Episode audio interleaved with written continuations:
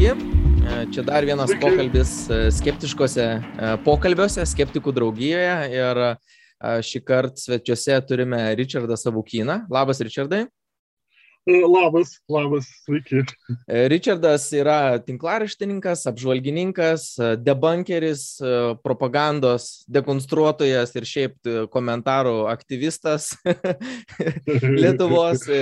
Ir kažkaip, kažkaip tiesiog gavosi, mes susirašėm su Richardu ir, ir sako Richardas, kad turiu, turiu ką papasakoti iš tikrųjų apie, apie tam tikras e, sektas ir kultus. Aš sakau, nu gerai, nes tokio, sakykime, žmogaus pastaruoju metu ne, neužmačiau, kuris turėtų, sakykime, tam tikros in, to išvalgų šioje temoje ir, ir pabandysim pažiūrėti su Richardu, kur čia mes nukeliausi. Tai kalbėsim apie sektas, apie kultus. Tai tikrai yra, kaip sakyti, svarbi tema skeptikams ir mums svarbu pažiūrėti, kaip, kaip vystosi religiniai įsitikinimai, kaip jie konvertuojasi iš iš kažkokias vienų sistemų į kitas, į ne, ne, ne, nesistematizuotas kažkokias tai bendruomenės ir to dalis yra taipogi ir sektai, sektos ir kultai.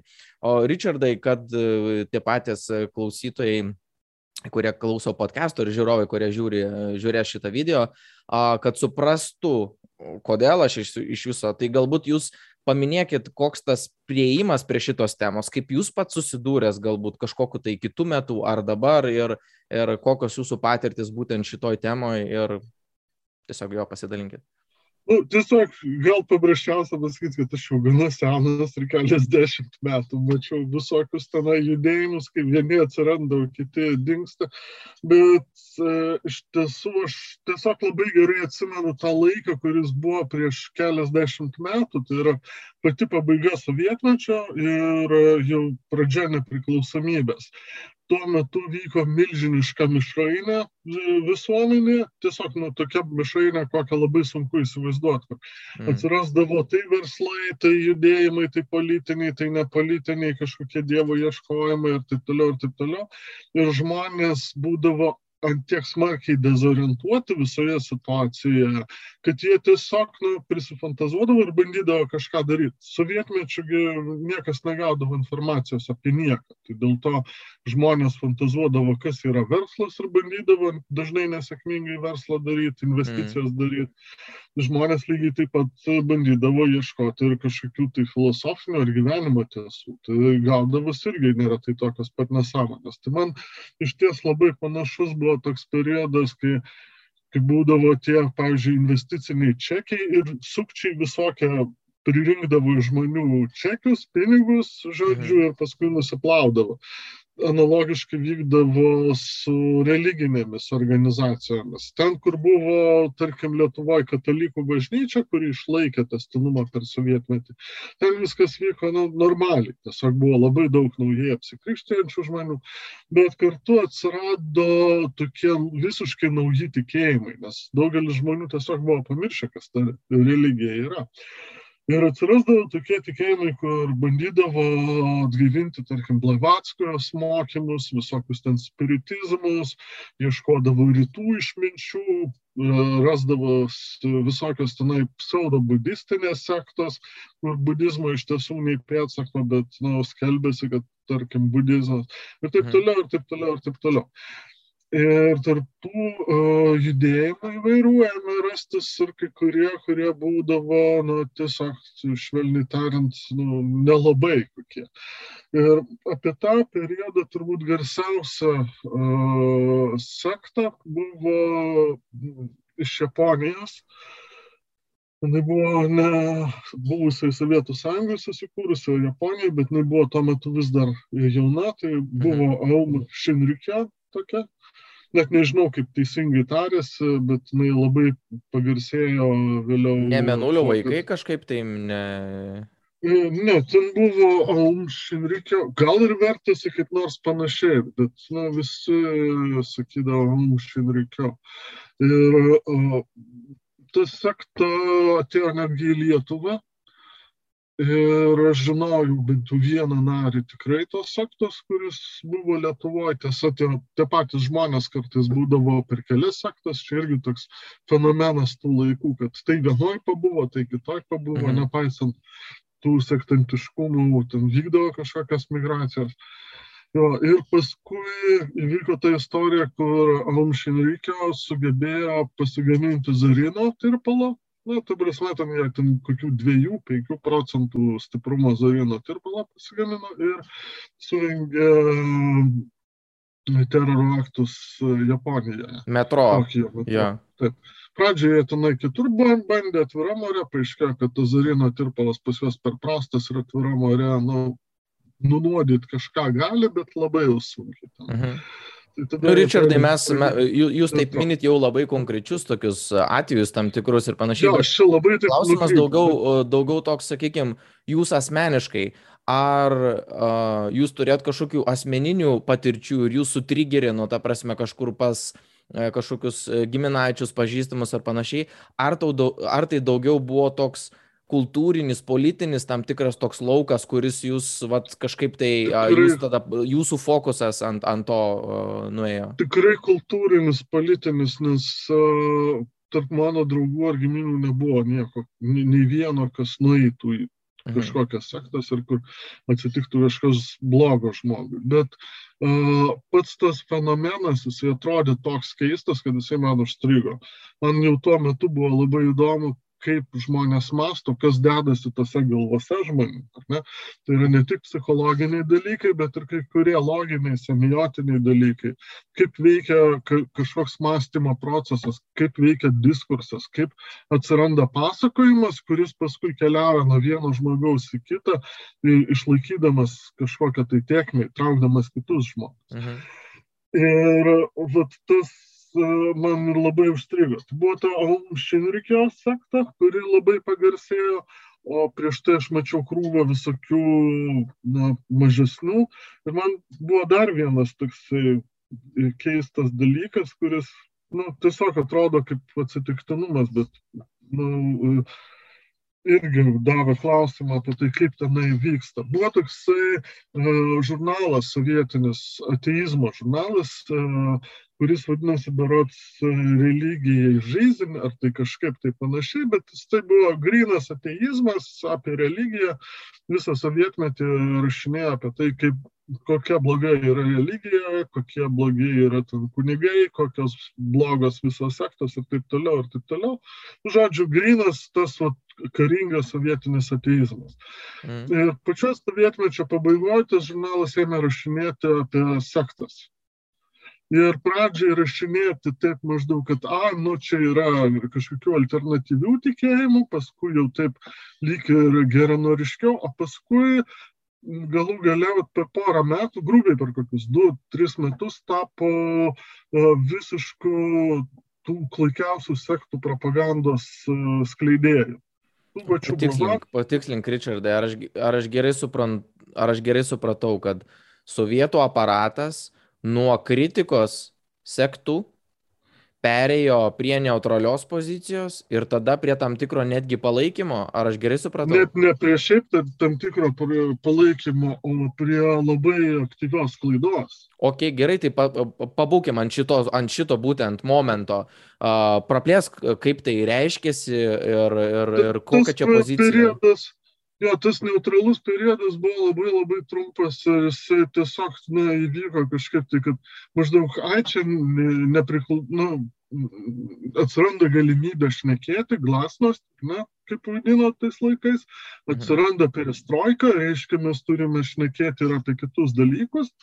Ir paskui staiga ten prasideda straipsniai vienas po kito vis daugiau ir daugiau apie visokias blavatskajas, visokias, visokias ezoterikas, ufonautus, kosminius protus ir panašiai ir panašiai. Na ir prasideda visai sklaida kažkokių kleidesių. Tai tie, kas, Na, tie, kas sakykime, praktikavo uždarose bendruomenėse ar už uždarų durų daugiabučiuose su Sovietų sąjungos, taiga gavo laisvę kalbėti ir, ir tada buvo pliūpsnis, iš tikrųjų veikiausiai to, kas ir nu, buvo užsi, užsitęsę ilgą laiką, bet tai iškilo į viešumą ir daugiau, ta prasme, buvo tam tikros laisvės kalbėti, burtis ir panašiai tokias bendruomenės. Pradžioje iškilo į viešumą, bet paskui tai pradėjo aukti neįsivaizduojamais tempais. Esmė yra ta, kad na, tos senos tradicinės religijos, ar ne, tai e, jos turi tas taisyklės, e, moralinės normas, tikėjimo taisyklės, tikėjimo tiesas, kurios padeda žmonėms besilaikantiems tos religijos e, gyventi, nu, neturint didelių kažkokių tai problemų bet per sovietmetį visa tai buvo naikinama. Ir tada žmonės ieškodavo kažkokių alternatyvų. Tos alternatyvos sovietmečių vis būdavo tiesiog laikiai suvokiamas. Sakykime, tai persimaišydavo su narkotikų platinimu. Tarkim, buvo Lietuvoje tokia byla, užmiršau pavardę to aktoriaus rusų, kuris vaidino visokius karatistus, buvo tipo sovietinis Brusly, atsit. Iš Azijos. Nu, dabar nepamenu, paskui gal pasižiūrėsiu, at, atrasiu. Žodžiu, istorija buvo tokia, kad buvo grupė, nu, gauja gana didelė Sovietų sąjungoje, kuri platino narkotikus, heroiną platino visos Sovietų sąjungos mastais, didžiuliais kiekiais. Vienas iš centrų platinimo buvo Lietuvoje, o tas aktorius, e, jisai buvo na, vienas iš tos gaujos kaip ir lyderių ir kartu, atrodo, užsiminėjo narkotikų pervežimu. Mhm. E, Vilniuje buvo poskiris tos visos gaujos. Bet turėjo kažkokį gauja, pavadinimą visą tą gaują? E, pavadinimo taip ir neišliko, nes čia gana, čia dar iki visų perestroikų prie Brežnevo, man atrodo, man atrodo dar gyvas Brežnevas buvo, tada uh, ir įvyko tas skandalas. Žodžiu. Uh, long story short, uh, tas aktorius pabandė išeiti iš tos sektos, uh, sektos nariai jį įsiviliojo į būtą Vilniuje, Gedimino prospektą ir tenai visą naktį kankino, kol galų gale nužudė. Paaiškėjo, kad tas būtas priklausė kažkam tai iš labai artimų giminaičių Lietuvos kompartijos vadovybės E, būtent dėl to, nepaisant to, kad kaimynai kvietė miliciją, nes girdėjo riksmus, tas milicija tiesiog išvarydavo šeimininką, sakydavo, čiuoškit iš čia ir viskas, milicija paklausydavo, nu, tai buvo tokie vat, laikai.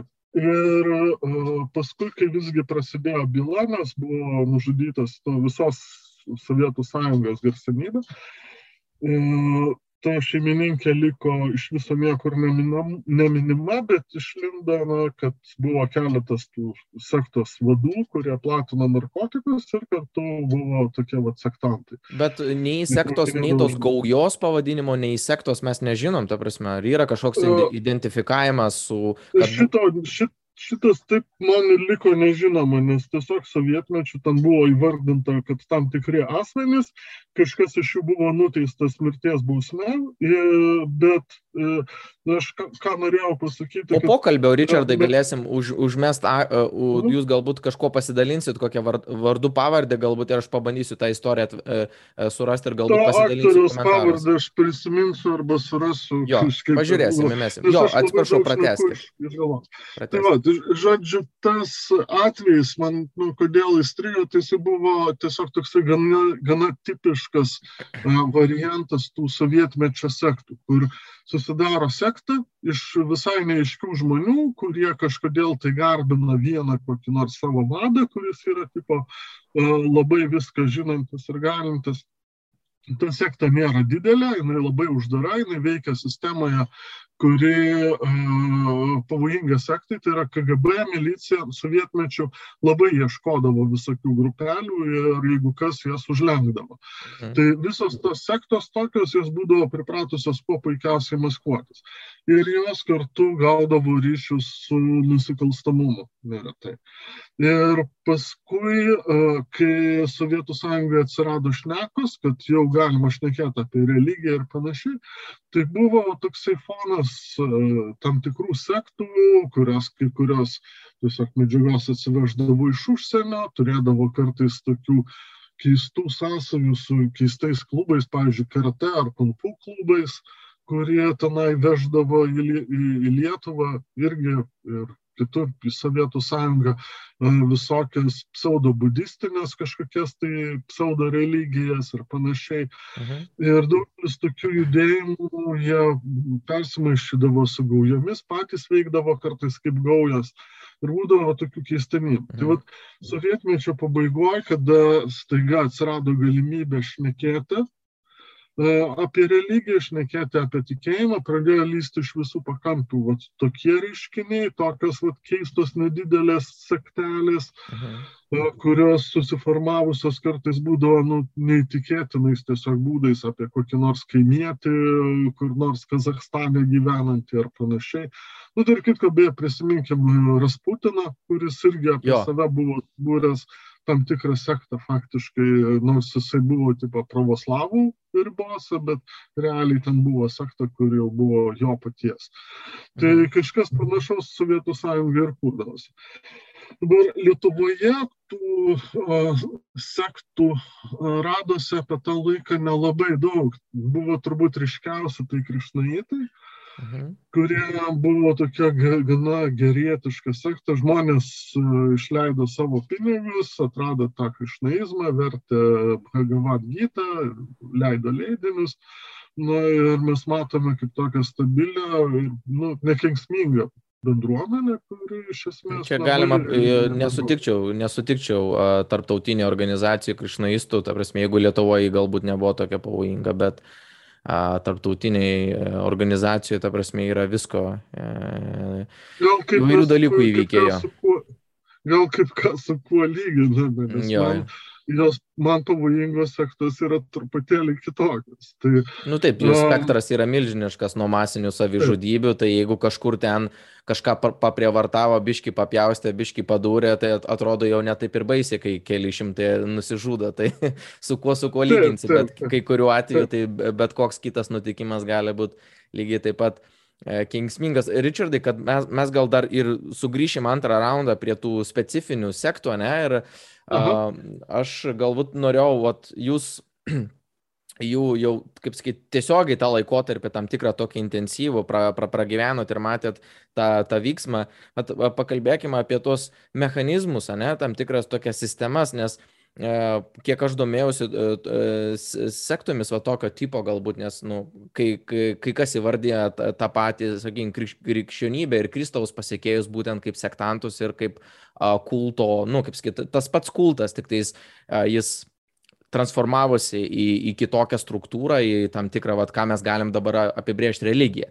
Tačiau tie kultai, apie kuriuos jūs paminėjote, ne, ir kur aš vat lenkiu šitą a, temą, tai jie atrodo tarsi turi tam tikrus kažkokius mechanizmus, ne, kaip jie veikia, tai yra tam tikras centrinis asmuo, yra tam tikras uždarumo aspektas, tada finansai, tam tikri įsitikinimai, destrukcijos tam tikri tokie dalykai, alternatyva sistema ir panašiai. Gal jūs galėtumėt būtent pakalbėti šiek tiek apie tos bruožus, ne, ne apie konkrečią, vat, galbūt sektą, ne, bet apie tos bruožus, kurie dažniausiai jungia ir tą patį, ar mes, mes galėtumėm sakyti, kad jau pagal tokius bruožus mes galėtumėm kažkokią bendruomenę, organizaciją identifikuoti kaip sektą, galbūt pakalbėkime apie tai šiek mhm. tiek.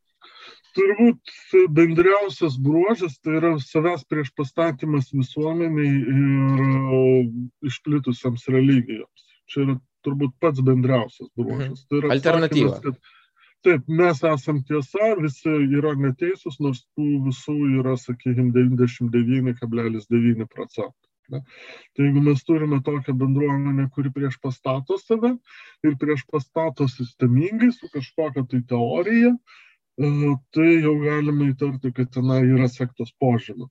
Ta mhm. teorija gali būti atvirai religinė, sakykime, apie ten kosminės dvasias ar kažką, tai gali būti tokia pseudo utilitarinė, kur ten kalbama apie kompiuterius ar dar kažką, tai bet paprastai vis viena išeinama į kažkokius kosmosus. Tai yra, pavyzdžiui, jeigu palyginsim.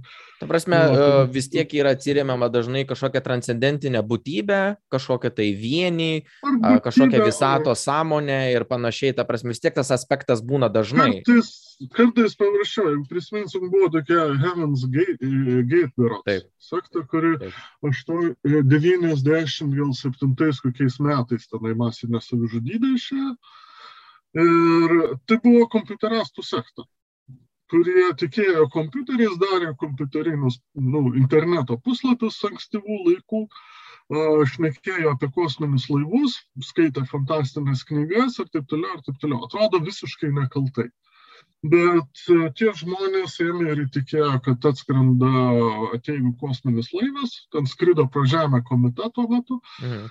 Uh, užmiršau, man daug kas užsimiršta, užmiršau pavadinimą. Tebūnė. Haliai Bob berots, ar kaip jinai tenai vadinasi. Žodžiu, iš tiesų ryški, ja, ryški tokia žvaigždė buvo su uodega, matėsi gana ilgai danguje tuo metu. Tai jie, žodžiu, įtikėjo, kad tai yra kosminis laivas ir kad jiems reikia išskristi, na ir sugalvojo išskristi, prisivalgė, nusinuodėjo.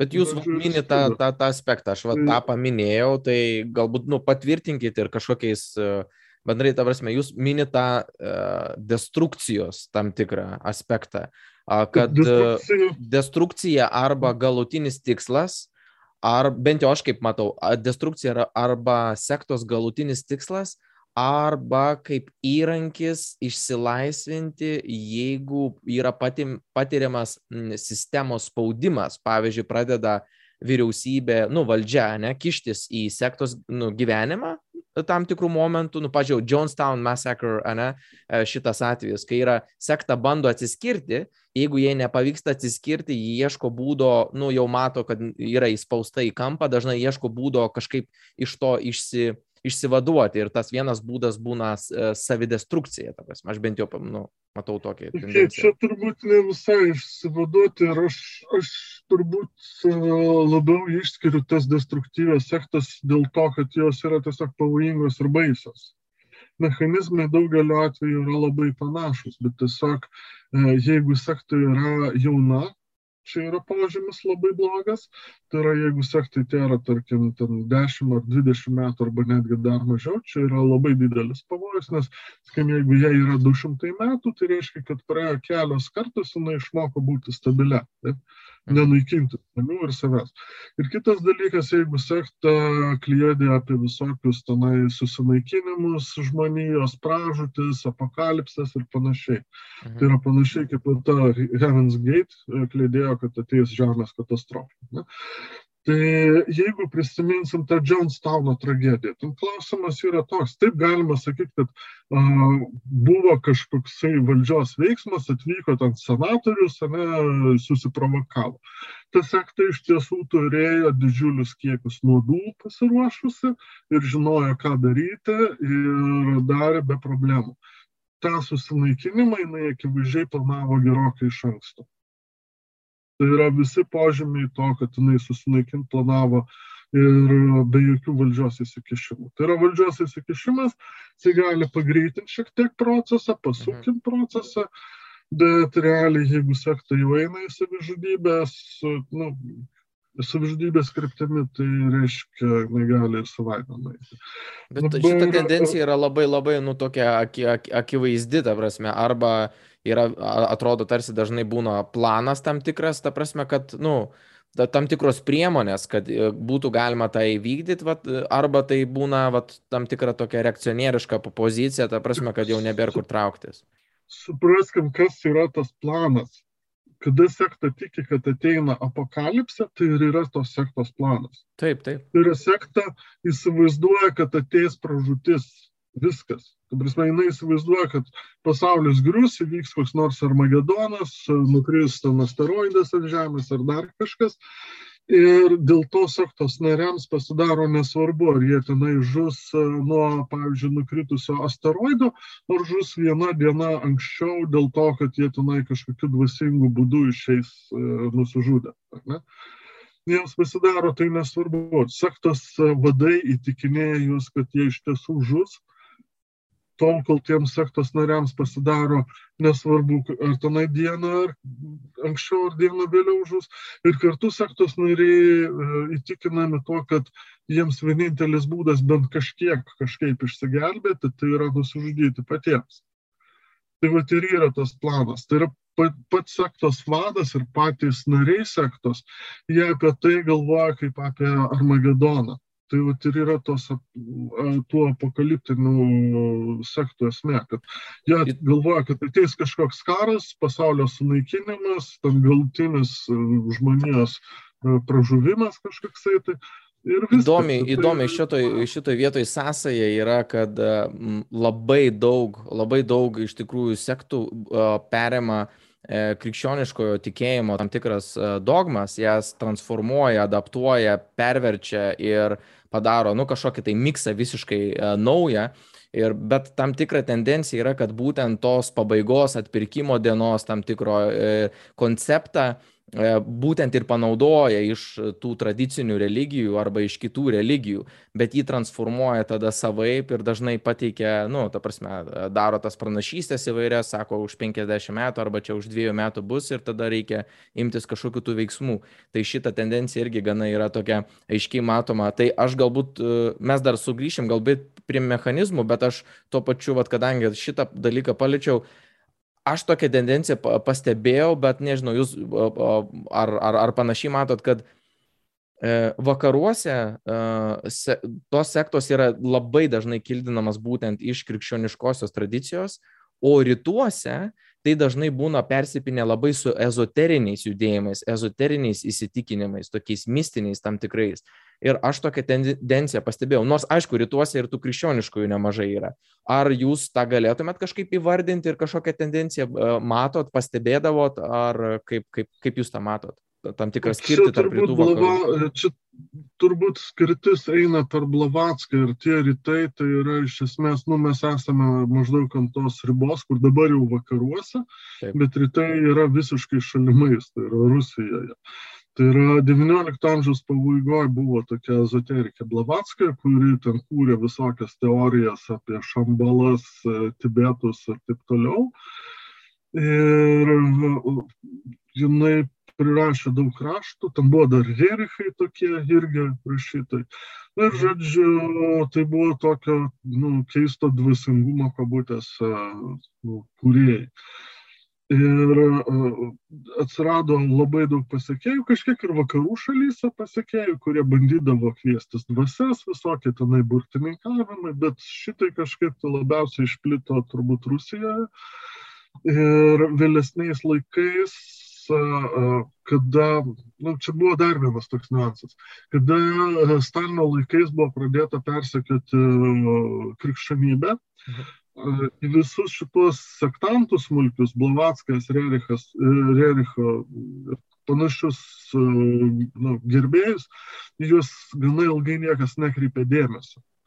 Ir vienu metu buvo visai ok, jeigu tenai bolševikai, kokie komunistai, užsimdinėdavo spiritizmo sensais vakare, o dieną užsimdinėdavo tenai komunizmais, nes jiems atrodė, kad tai neprieštarauja. Čia reikia suprasti, kad oficialiai skelbdami apie ateizmą, jie nelabai suprasdavo, kas tas ateizmas iš viso yra. Tai yra, jiems atrodė, kad greuti bažnyčias yra ateizmas, bet, pavyzdžiui, spiritizmą užsiminėti, tai jau yra ok. Vis tiek reikia kažkokios alternatyvos, vis tiek reikia kažkokio vuhų. Taip, tai dėl tos priežasties kažkaip tai gana ilgą laiką išliko ir netgi sutvirtėjo prie Stalino uh, tokie vat, alternatyvūs judėjimai, o paskui jie buvo pradėti tik 39 metais naikinti. Tai, mhm. tai šit, šitai turbūt irgi padarė įtaką, dėl kurios turbūt labiau išplito tie vat, alternatyvūs ezoteriniai visokie pseudorytietiški judėjimai, kur, kur būdavo klėdima apie visokius, nu ir iki šiol klėdima apie visokius tam Tibeto vienuolius ir panašiai ir panašiai nesuprantant, kad Tibete yra lamaizmas, nu, kuris iš esmės budizmo atšaka tokia vat, specifinė mhm. vietinė. E, tie patys klėdėtojai prisifantazuodavo tiesiog daugybės dalykų, daugybę visokių nesąmonių prikurdavo ir paskui... O jūs, ateidavo... ezoterika rytietiška. Mhm. O, o jūs, Richardai, čia tokio off-topiko dėliai, ką, ką vadintumėt klėdesiais, o kas jau ne yra? Ar yra religiniuose įsitikinimuose riba tarp klėdesių ir neklėdesių? Čia reikėtų turbūt pasižiūrėti į o, tą klinikinį įvertinimą, kas yra klėdesiai, o kas ne. Tai A, jūs jo, per tokią skirtį. Jo, psichiatrijai turi tu, tris kriterijus, nu čia toks tradicinis apibrėžimas. Tai yra pirmas dalykas, kad tai yra dalykas, kuris iš principo absurdiškas yra, nu, matosi kaip nesąmonė visiška. Ir tai yra ne religinė prasme, kad nesąmonė. Nusigyvimo ateistas gali sakyti, kad Dievo nėra, Dievas nesako. Taip. Bet uh, suvokimo prasme. Taip, pavyzdžiui, nesąmonė yra, jog man po stalų slepiasi ten žali ufonautai. Taip, arba kad pas jūs po stalų slepiasi žalių ufonautai. Mes čia nematom ekrane, bet gal pas jūs žalių ufonautai laiko jūsų mikrofoną. Taip? Tai jeigu aš šitokį dalyką sakau, tai čia yra akivaizdai nesąmonė. Mes, mes Jūs kalbate jau apie tam tikras kondicijas, ta prasme, tokio mentalinės kondicijas, kurios jau galėtų indikuoti, kad, nu, tiesiog yra, uh, kaip čia pasakyti, Taip, tai yra... tam tikro sutrikimo, tam tikro psichologinio sutrikimo, tam tikro lygyje, kas gali e, iššaukti tokios, nu, jau, jau. Tai čia yra tik tai vienas mhm. kriterijus. Dar. Antras kriterijus yra tai, kad visos šitos šnekos uh, yra ne šiaip šnekos, o žmogus absoliučiai šventai jomis tiki. Tai yra jam tai atrodo nu, visiška teisybė, kaip, kaip ir savaime aišku. Tai yra, jeigu žmogui pasakai, kad ne, netiesa, jisai sako, tu ką, durnas, tu ką nežinai, kad tie žali žmogeliukai po stalus sėdi. Tu ką nematai jų nu, tai yra žmog, žmogaus tikėjimas būna nu, tiesiog visiškas. Ir trečias dalykas yra, kad tie absurdiški įsivaizdavimai nepasiduoda korekcijoms. Tai yra, mes galim žmogui duoti pažiūrėti pastalų, jisai pamatys, kad žmogeliukų nėra, ar ten tų ufonautų nėra e, ir tada sakys, kad e, tai tie ufonautai tiesiog pabėgo, nes išgirdo, kad mes žiūrėsime po stalu. Jūs kalbat tiesiog... apie tokį, tokius atvejus, kai tam tikri įsitikinimai yra taip nusėdę e, pačioj asmenybei, sakykime, asmenybės tam susiformavime, kad jie praktiškai net negali būti jau pakeisti jokiais argumentais ir čia, nu, apie tokias situacijas. Taip, bent jau kažkurį laiką, bent jau duotojų momentų, sakykime, sakykim, šitą valandą mes negalime net suklibinti tų įsitikinimų.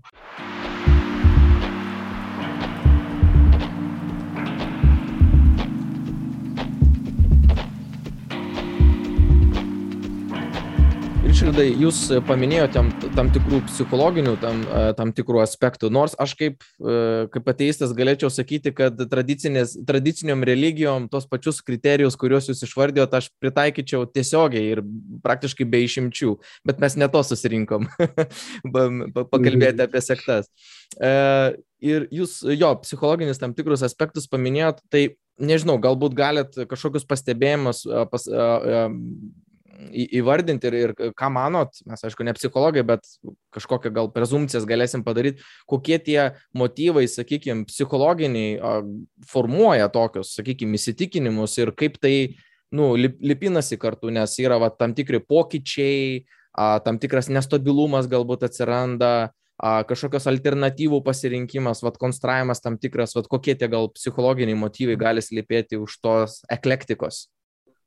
Taip, Pradėkim gal nuo to, kad nėra vieno mechanizmo ir mūsų turbūt dažniausia klaida, kada mes kalbam apie sociologinius reiškinius, yra tai, kad mes ieškame vieno vienintelio mechanizmo ir galvojame, kad tam tikras reiškinys atsiranda dėl vienos priežasties. Tai sektos turbūt yra geras pavyzdys, kur tikrai ne vienas mechanizmas. Mes jau kalbėjom šiek tiek apie kriminalinės struktūras, kurios ten atsiranda, tai kriminalas irgi gali būti mechanizmų ir jeigu palyginsim sektų kai kurios e, veikėjus su sukčiais, tai ten skirtumo turbūt nerasim, kartais iš tiesų tas pats sukčius savo sektą susikuria, o jeigu sektos vadą patyrinėjom, tai atrandam, kad jisai sukčiauja tiesiog kartais. Būna ir kitų dalykų, tai yra būna, kada žmonėms yra tiesiog kažkokie tai psichikos sutrikimai ir jie, tarkim, girdi balsus, patiria halucinacijas ir bando rasti paaiškinimus ir irgi nueina į sektas. Bet turbūt dažniausias mechanizmas tai yra na, tiesiog mūsų žmogiškas poreikis turėti šilumos, gerumo, meilės. Socializuotis. Taip, ir socializuotis, na ir tiesiog būti žmogum su kitais žmonėmis. Mes turime tiesiog įgimtą troškimą būti su kitais žmonėmis ir mums reikia įgimto gerumo. Ir jeigu mes to negauname, mes jaučiamės nesaugiai, nelaimingi, blogi, nereikalingi niekam. Nu, tai beviltiška būsena tiesiog. Mhm. Ir šitai yra turbūt tiek svarbu žmonėms, kad žmonės be to negali gyventi. Iš principo negali. Bet kas atsitinka, jeigu žmogus negauna pakankamai šilumos ir gerumo iš aplinkinių. Tarkim, neturi draugų, neturi artimųjų, arba ten patyrė iš e, artimųjų ar draugų vien negerą elgesį, tai yra, nu, neturėjo tikrų draugų. E, tai žmogus praranda tikėjimą, kad gali būti gerumas iš kitų žmonių. Ir jisai tada nu, nežino, ką daryti. Štai, štai vat, tokioje situacijoje ima ir pasipainioja koks nors tenai sektos vadas, kuris jam duoda daugybę šilumos, apkabina, paglosto, sako, tave priima kosminė meilė, tau kosminė meilė siunčia linkėjimus ir gėrį ir taip toliau. Ir tas žmogus galvoja, nu, gal nėra tos kosminės meilės ar kažko tai, bet nu, su manim gerai elgesi. Mm. Bet kada uh, tas žmogus gauna šitos šilumos ir gerumo, uh, po kiek laiko jisai tiesiog pasijunta laimingu. Jisai pagalvoja, kad, nu, blemba, taigi gal nėra tos kosminės meilės, bet aš tai pasijutau laimingas nuo to.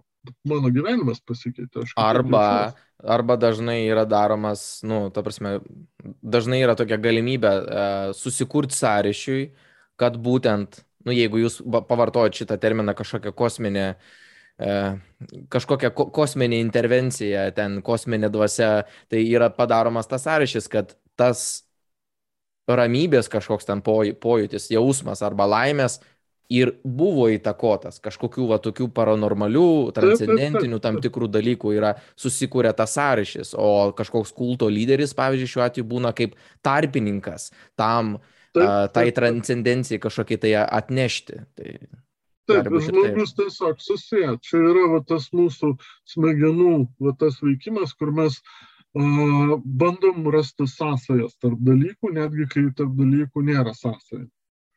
Ir jeigu yra tos sąsajos smegenyse pamatomos, nu, tai yra asociatyviai jos suveikia, mm. tai mums tai ir užsifiksuoja. Čia yra taip vadinamas maginis mąstymas iš ties, kuris yra visiškai visiems būdingas, tai yra mes remiamės panašumų dėsniais, tai reiškia, kad jeigu kažkas įvyko tuo pat metu, arba greta, arba tiesiog dalykai yra panašus, nu, tai reiškia, jie kaip nors susiję. Jeigu, sakykime, mes šiuo metu atkalbame ir nugriaudė kažkoks graustinis šalia, Tai gal jisai dėl to, kad išgirdo mūsų... Gal reikia pokalbį užbaigti jau. Taip, taip. Ženklas. Bet nu, mūsų pasąmonėje būtent taip veikia tokie mechanizmai. Ir mūsų tas protingas mąstymas, loginis mąstymas, jisai yra jau atsiradęs kaip anstatas ant šitų mechanizmų. Nes šitie mechanizmai jie yra primityvus, tiesiog nu, gyvūniški, asociatyviniai ryšiai, kurie tiesiog randasi, kai neuronai tarpusavėje susikonektina. Tai E, kada šitokio tipo sąsajos randasi pasąmonėje, jos e, sugeba nustelbti bet kokį loginį mąstymą. Ir jeigu žmogui iš ties labai labai trūksta nu, šilumos, gerumo iš aplinkinių, tai jam tai suveikia stipriai. Ir dabar vėlgi, jeigu pasižiūrėsim į tai, kaip ėjo ta naujų visokių sektų, visokių tokių judėjimų banga griūnant Sovietų sąjungai.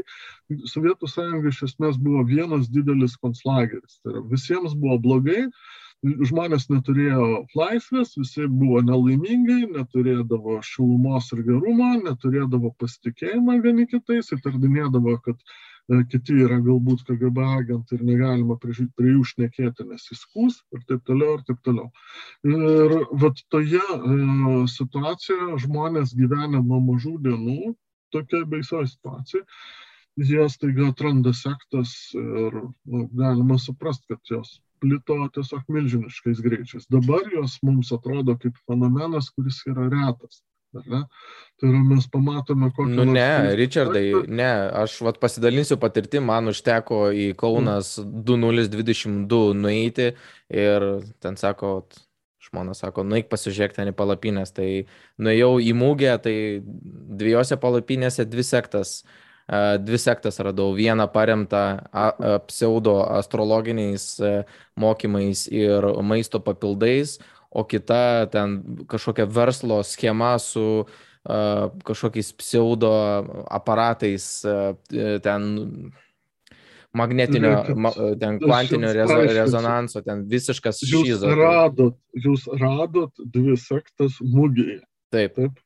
Taip, nu, taip, taip. Aš pasidomėjau po to, tai ten visi, visi aspektai, kurie būtent indikuoja. Taip, o dabar įsivaizduokite, kad jūsų name daugia būtėje pusę kaimynų e, klėdė sektų klėdėsiais, kad jūs girdite šitos dalykus per teliką, kad Kašpirovskis jums ten transliuoja per teliką kažkokias gydimo laidas, Čumakas įkraudinėja vandenį per televizorių.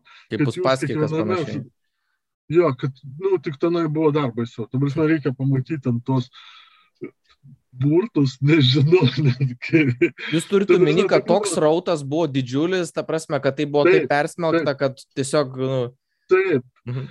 Čia, kad įsivaizduoti irgi, e, mokslas ir gyvenimas buvo toksai žurnalas Lietuvoje. Nežinau, dabar jau lygtai ir nėra, man atrodo. E, sovietmečio pabaigoje jie spausdindavo scintologų klėdesius. Na, va mhm. čia, kad įsivaizduoti. Čia buvo pagrindinis svarbiausias mokslo populiarinimo žurnalas Lietuvoje, leidžiamas ten šimto, tūkst, šimto tūkstantinių gal tiražų, nu, gal ne šimto tūkstantinių, bet de, dešimtim tūkstančių. Mhm. Didžiulių tiražų.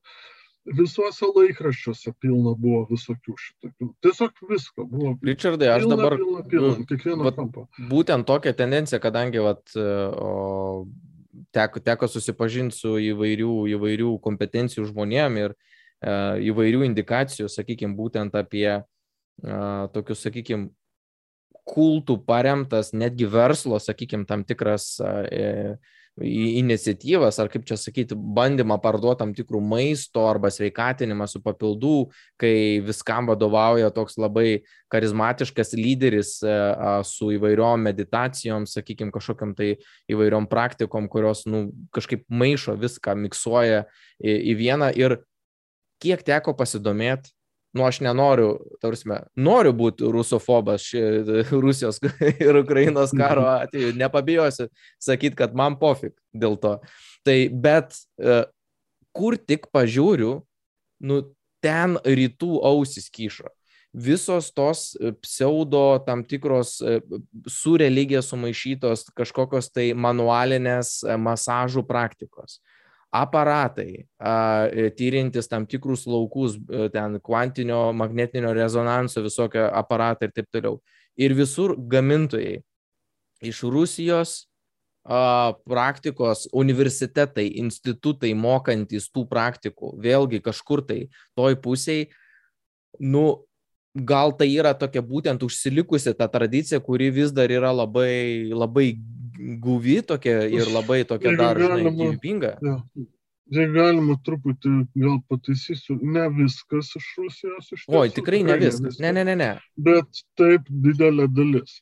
Ir priežastis turbūt yra ta, kad sovietmečių buvo išnaikinta tiesiog, na, išnaikinti tie tradic, tradicinės religijos.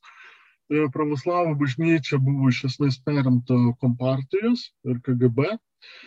Ir daugelis žmonių tenai neturi religinės atramos tam, kuriems reikia religinės. Ir kartu paraleliai tenai nekontroliuojamas sukčiavimas iš esmės. Tai yra, jeigu pas mus pabandysi prakišti kažkokią mediciną ir tave gali prikirti už tai, kad tu neteisėtai mediciną užsiemi, ar tenai melaginga reklama ar dar kažkas, Rusijai labai smarkiai ignoruojama visą tai. Ir tai išauga. Paskui daugelis žmonių, kurie vis dar skaito rusiškai, ypač vat, vyresnės kartos, prisiskaito tų nesąmonių rusų kalba, na ir jie patikė ir jiems pardavinėja. Tai ir atsiranda tam tikras ir importas visokių tokių tokių judėjimų, atplaišų nuo, nuo senų judėjimų. Vieną punktą atgal grįžčiau, būtent aš irgi tą norėjau paminėti, dėl to valstybinio aparato kontrolės, ta prasme, tam tikros jau bent jau bazinės kontrolės, ta prasme, kaip mes galim viens kitą čia apgaudinėti, pardavinėti, ką tik norim, įsitikinimus parduoti, preparatus parduoti, aparatus parduoti, ką norim, tai va čia galbūt irgi toks gana nu, stiprus aspektas, nes tu, jeigu turi laisvas rankas, iš esmės kurt kurt ką nori iš esmės ir, ir, ir, ir o, pardavinėti už kiek nori, kaip nori ir nieks tavęs, nu, kaip sakyti, taip intensyviai netikrina, tai čia turbūt yra labai nu, svarbus aspektas šitoje vietoje. Taip, taip, nes visais atvejais mes atsiriamėm, nu, nu, tokiais vat, atvejais, atsiriamėm į pinigus. Tai yra tais negerais atvejais, sektų vadai vienai par kitaip užsiminėjo sukčiavimu, kur, sakym, dalis, sakym, Dalis sektos veiklos yra skirta tiesiog sukčiavimui ir pinigų uždirbimui, pinigų išviliojimui ir panašiai. Kita dalis veiklos yra tiesiog narcisistiniams poreikiams patenkinti, bet pinigai paprastai atsiranda. Ir net jeigu yra daugiau narcisistinių poreikių negu kad sukčiavimo pas sektos vada, vis viena narcisistiniai poreikiai jam, nu, sako, kad jam reikia pinigų ir kad visi yra šiukšlės ir dėl to iš jų galima apgaulės būdu imti pinigus, na ir tada tas sektos vadas vis viena nemato problemos. Tai ten, kur kontrolės visokių sukčių yra mažai, ten e, visi tie dalykai plinta smarkiai. Yra kitas dar dalykas, labai susijęs turbūt, kad kai įsitvirtina va tokie pseudo religiniai nu, absurdai ir jie tampa norma, paskui juos išgyvendinti yra labai labai sunku, nes žmonės vis viena galvoja, nu, žmonės, kurie pakliūna į sektorių, jie galvoja, kad jie toje sektoriuje patyrė kokį nors praregėjimą, gal tenai sektos vadas juos apgavo, bet vis viena yra ten kosminės energijos ar dar kažkas. Tai. Ir tie žmonės toliau ieško visokių alternatyvų. Tai ten, kur smarkiai įsisuka, ten paskui panaikinti yra sunku. Tai dėl to Rusija, kur visą tai įsisuko labai labai stipriai, jinai yra šaltinis visokių tokių sektų ir turbūt ilgai bus. Mhm. Nepaisant to, kad paskutinius, sakykime, jau 20 metų ten Rusų pravoslavų cerkvė gana aktyviai bando kovoti prieš tokias sektas ir šiuo metu jau įstatymais e, tos sektos verčiamas ekstremistinėmis organizacijomis, tai yra vien to pagrindu jų vadai gali būti pasodinti į kalėjimą, bet e, jiems sukovoti nepavyksta, jo labiau, kad yra tos senos sektų patirtis iš sovietmečių, kurios e, sovietmečių... Žino mechanizmus, kaip apsiginti nuo to jo, apsisaugoti šiek tiek. Taip. taip. Mhm. Tai va, e, kitas dar dalykas yra, kad e, bent jau dalį tų sektų Kremlius panaudoja savo tikslais. Ir, e, Pavyzdžiui. Kaip panaudoja, tai... O va, čia įdomus labai dalykas, nes mes turim, sakykime, tą Sovietų sąjungos, ne, tam tikrą istoriją. Mhm. Ir, ir ten tas peripetijas, ne, sektų jo persiekėjimą, po to, sakykime, tam tikrą užtarimą ir panašiai, o kaip yra su dabartinė valdžia ir jos požiūriu į, į, į tą sektą, sakot, iš, išnaudoja, tai biški pakomentuokit, praplėskite apie. E, turbūt ryškiausias atvejis dabar prigiausias, bet nu, prieš dešimtmetį vis dar labai aktyvi sekta SSR 2.0 kuri na, tiesiog sunkiai įsivaizduojama savo eklektiškumu. Tai yra 2.0? Taip, SSR 2.0. Tai čia kaip antra versija Sovietų sąjungos, čia jo, toks pavadinimas užkoduotas. Taip, kurie sugalvoja kurti naują SSR. Ir uh, tuo metu šitai vyko tiesiog, nu, kaip valdžios propaguojamas judėjimas, kuris net nesimatė kaip sekta, kad buvo tiesiog vat, kažkoks planas, atkurkime teisingesnį SSR, ten buvo gal kažkokių problemų, neteisingai suvaldyta gal ekonomika, gal kas, bet turėkime teisingesnę Sovietų sąjungą. Ir e, faktiškai viskas buvo pateikiama ne kaip religija, o tiesiog kaip pseudo racionalus dalykas. Bet paraleliai su šita sekta, nu, aš ją vadinu sektą, nes ten buvo nors be kažkokių kosminių dvasingumų, bet su visais požymės. Tai yra narių įtraukimų, grupelėmis visokiamis ir taip toliau. Mhm. Ričardai, jūs, jūs paminėjot uh, Sovietų sąjungą 2.0, tą, tą versijos, tą sektą, tą judėjimą. Ar jis, uh, ar jis buvo kaip sakyt, inspiruotas kažkokiu tai, sakykime, tų aktyvistų tam tikrų politinių, ar tiesiogiai valdžios inspiruotas, ta prasme, tokia... Jokio, Kaip... Jokio tiesioginio inspiravimo oficialiai nesimatė. Oficialiai tai buvo, nu, tiesiog kažkoks savaime judėjimas ir panašiai, kuris mhm. tiesiog per visokias pasaulio valstybės, netgi per tas, kurios Sovietų sąjungoje nebuvo, netgi, sakykim, Vokietijoje, Junktinėse valstijose, ėmė rastis Facebook'o grupės, kurios pradėjo knisproti visiems, kad uh, Sovietų sąjungą reikia atkurti, iš tiesų viskas buvo gerai, taip toliau, taip toliau. Ir visi šitie dalykai buvo tokie, lyg ir ne religija, bet tokio biškelį kaip ir religinio pobūdžio. Tokio, nu, pagal tai, kaip, kaip veikia. Nu, net ne religinio tokio, bet įtraukinėkime žmonės pas save. Ne? Maždaug taip. Ir praplaukim jiems smegenis, kad atkursime Sovietų sąjungą ir bus antras Sovietų sąjunga ir bus geresnė.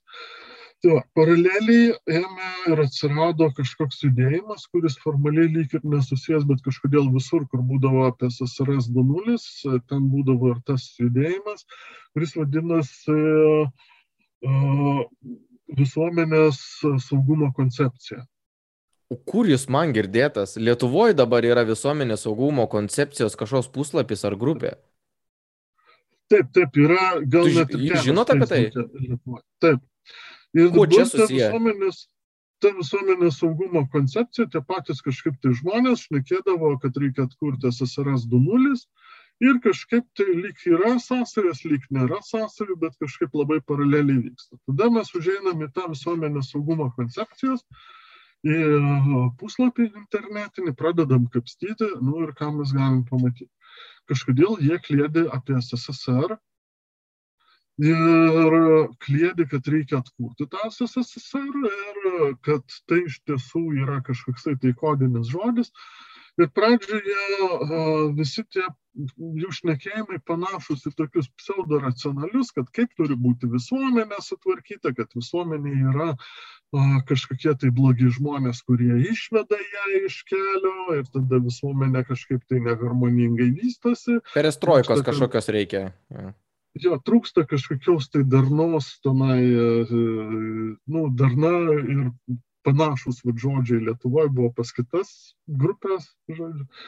Tai e, trūksta ten kažko, reikia kažkaip kitaip daryti. Bet kuo labiau giliniesi, ką jie tenai šneka, tuo labiau atrandi, kad jie šneka apie SSSR. Bet jų įkūrėjas kažkoks tai buvęs generolas lygtai, kuris kažkaip tai susijęs su valdžia. Uh, ir kad visa ta saugumo koncepcija yra paremta kažkokiamis keistomis žmonių grupėmis, kurios turi e, pasiruošti kažkokiems tai įvykiams, ne tai karui, ne tai ne karui, bet nu, tiesiog kažkokie. Tai sutapo su naratyvu, ta prasme, kuris tiesiogiai naudingas e, valdžiai, ta prasme, tas e, SSR jo, kur... atkūrimo istorija, toks naratyvas patogus. Taip, ir kur uh, prie tų įvykių reikės kažkaip tai imtis ir sunaikinti tuos netinkamus blogiečius, kurie daro visą blogį ir trukdo atkurti visuomenės gerovę ir laimingumą. Ričardai, tai ar, ar, nes jūs kaip minit, man neskamba labai uh, apie kaip sektą ar kultas, bet dabar jūs paminėjote tam, tam, tikrus, tam tikrus aspektus apie tą susinaikinimą ir tokią labai angažuotą priešpriešą. Aš išgirdau tą, prateskite jo. Aha. Dabar jie ten šneka kažkaip nerišliai apie šitokius žmonės, šneka, kad jie tenai kažkokie tai gal ir šetono apsėsti ar kažkas tai, bet toliau dar toliau kapstam, e, paaiškėja, kad jų tikėjime yra ištisos teorijos apie tai, kad yra žmonės, kurie yra kažkokie tai robotai, biorobotai, kurie yra užprogramuoti ir yra tų biorobotų valdovai, bet yra kažkokie tai senovės Rusijos žiniai, kurie prieš 2000 metų įkūrė SSSR Ir prieš 2000 metų įkūrė SSSR, jie tos 2000 metų slapta veikė ir tik tai, kai jau visai sustiprėjo, padarė tą SSSR viešą. Kai atėjo laikas, tarpu, jo, jo. jo.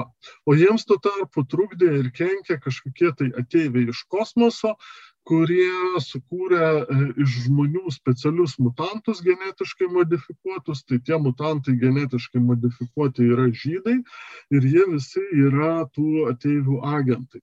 Ir taip toliau, ir taip toliau. Ir vad kada paskaitai jau tokius klėdėsius, supranti, kad tenai mes. Viskas, viskas viename. Antisemitizmas, ateiviai, ezoterika, nu, viskas taip. viename. Taip, ir kartu visas tas panslavizmas su rusų fašizmu įkištu mhm. ir taip toliau, ir taip toliau, ir taip toliau. Ir kur dabar, ar, ar šitos apraiškos, šitos sektos, šito judėjimo vis dar yra gajos apraiškos, ar jau nežinote apie tai? Kadangi judėjimas buvo labai nu, per daug durnas, jisai per daug neišplito, bet jo aktyvistų yra ir, sakykime, Lietuva yra. Ir jeigu mes pasižiūrėsim į lietuviškas grupės, šitos sektos ir pasižiūrėsime, kas jas valdo ir pabandysim internete paieškoti. Tai paaiškės, kad tie žmonės siejami su visokia Rusijos propaganda, antivalstybiniais veiksmais ir panašiai. Ir panašiai. Ar jūs, Ričardai, galėtumėt pasidalinti, galėsit atsiųsti man tam tikrus, sakykime, tas grupių pavadinimus ar kontaktus, kad galėtumėm irgi pasidalinti? Pakanka į Facebooką įvesti visuomenės saugumo koncepciją ir surasti. Čia ir yra pagrindinė ta grupė, sakykime, tas puslapis, kuris veda šitą Čia naratyvą Lietuvoje. Jis yra sens, taip senstelės, jisai nuskambės žiniasklaidoje kažkiek tai panašiai, mhm. bet tenai matosi uh, sakykime, dalis bent jau žmonių, kurie yra. Ir pagal okay. tai galima daryti savo išvadas. Tai... čia yra tiesiog vienas iš pavyzdėlių, o tų pavyzdžių ir pavyzdėlių yra gana daug. Tai mes kalbam apie tokius durniausius pavyzdžius. Sakykime, ten ta visuomenės saugumo koncepcija su ten senovės rusų žiniais ir ten klėdėsiais apie SSSR ir taip toliau. Nu, tai yra nu, labai klėdėsiška. Taip? Mhm. Bet pasižiūrėkime visiškai kitą variantą, kurio mes sektomis net nevadiname. Nu, pavyzdžiui, kompanijos, kurios užsiema tinklinę prekybą. Taip? Aš būtent e, vieną iš tų sektų, e, kurią aš radau Kaune, į būtent ir pastatyta ant tinklinio marketingo, per kurią ir yra platinama e, visa ta ideologija. Jo, prateskit. Taip, tai vat per tokią, nu, pasižiūrėkime į kokią nors nekaltą tinklinę prekybą. Na, pavyzdžiui, kosmetika. Yra keletas tų tinklų Lietuvoje irgi, kurie platina kosmetiką tokiu būdu. Ir tenai nėra sektos, ar ne, bet jeigu pasižiūrėsim, kas vyksta tarp žmonių ir kaip jie parduoda, jie parduoda naudodami pakankamai artimus mechanizmus. Tai yra daugeliu atveju jie ten šneka apie tai, kad ten kokia kosmetika, arba iš tiesų nebūtinai kosmetika, ten, sakykime, kokios nors plovimo priemonės ar dar kažkas, kad jos ten super geros ir taip toliau ir taip toliau, bet jeigu pasižiūrim iš psichologinės pusės, realiai jie pardavinėja galimybę bendrauti ir iš jų perka paprastai tie žmonės, kurie turi mažai draugų ir turi mažai bendravimo galimybių.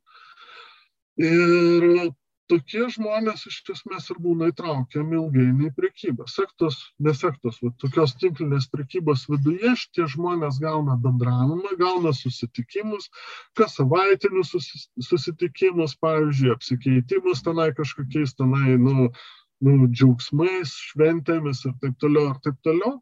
Tai yra gauna kažką, kažką panašų į šeimą ir jiems pasidaro žymiai lengviau ir geriau gyventi. O paraleliai jie užsiminėjo tą pačią tinklinę prekybą. Tai mes to negalim pavadinti sektą, ne, nes tenai nėra religinės sudėdamosios, bet kai žiūrime į tą tinklinę prekybą, mes matom mechanizmus, kurie daugeliu atveju yra pakankamai panašus tos, kas. Su manimi susisiekė vienas, vienas žmogus, kai aš pasidalinau Kaune e, rasta vieną tą sektą, ne, kuri, a, kuri turi kriptovaliutą, oh. magnetinio kvantinio rezonanso prietaisus skirtus e, gydyti šunims, kitokius įrengimus visokius, masažuoklius ir taip toliau, nu ten visiškas kosmosas yra. Ir kai papasakoja apie patirtis, būtent, kad buvo tas žmogus įtrauktas į tą tinklinį marketingą, į tą organizaciją ir kad yra charizmatiškas lyderis, kuris vykdo ten kažkokias meditacijos praktikas, ten uh, uh, self-improvement visokius ten e, mokymus ir taip toliau, tai iš esmės visos indikacijos yra būtent, kad, nu, tas ir dedasi. Tik tai yra, sakykime, ant tos kapitalistinės tokios struktūros e, pastatytos tinklinio marketingo, tai labai, mhm. labai panašios indikacijos. Richardai, vat mūsų, mūsų skaitmeniniai pirštai, kaip čia pasakyti, ir e, raidelė susitiko irgi vienam, vienam vienoj grupiai ties komentaru apie tokią organizaciją Creative Society ir aš norėjau šiek tiek dar pokalbio pabaigą apie tai pakalbėti. Tiesiog aš pasidalinsiu su, irgi su klausytojais, kad jau kuris laikas aptikau tokį, aš sakyčiau, kultą. Pagal mano tyrimo duomenis, kiek aš paskyriau laiko, tai atrodo, kad yra iš Ukrainos kilęs kultas, kuris turi iniciatyvą, kuri vadinasi Creative Society, kuri atrodo labai iš pirmo žvilgsnio kovojanti už prieš klimato kaitą, raginanti kovoti prieš ją, imtis tam tikrų veiksmų, pozicionuojanti gana nemažai humanistinių principų, kurie atrodytų tarsi tokie kaip ir universalūs ir panašiai, bet aš pasidomęs pastebėjau, kad visa ta, ta iniciatyva yra pastatyta ant būtent ezoterinio tokio kulto, kuris vadinasi Alatra, kuris turi savo Bibliją, kurios autorė yra minima, bet nėra duomenų apie pačią autorę neina, neina surasti iš tikrųjų, kas ta tikroji autorė. Turi charizmatišką lyderį, kuris užsidaro piramidėse, medituoja, e, kalba apie ateivius, apie samokslus, apie kraujo nupilimus ir taip toliau. E, ir turi visą miksą, kokio tik e, gali, gali prireikti. Iš esmės visą, visą miksą. Ir jūs, Richardai, irgi uh, sureagavote į mano tos komentarus ir, ir, ir parašėt, kad čia yra su Baltaja kažkokia brolyje susiję. Yra. Uh, ar aš gerai pavadinimą paminėjau? Taip, taip. taip. Richardai, Baltoji brolyje. Pa, padėkit suprasti, vis tiek iš, iš, iš, iš, iš, iš mano tos, sakykime, stebėsenos matosi, kad jie tie kultai transformuojasi, subyra, vėl susijungia, tos įtakos juda e, iš vienos pusės į kitą. Ir kaip čia, kaip čia tai susiję yra su tokiom organizacijom, kodėl jūs būtent tą baltąją brolyje paminėjot ir kuo jį čia yra dėta, turint omeny tą alatrą judėjimą šiuo atveju.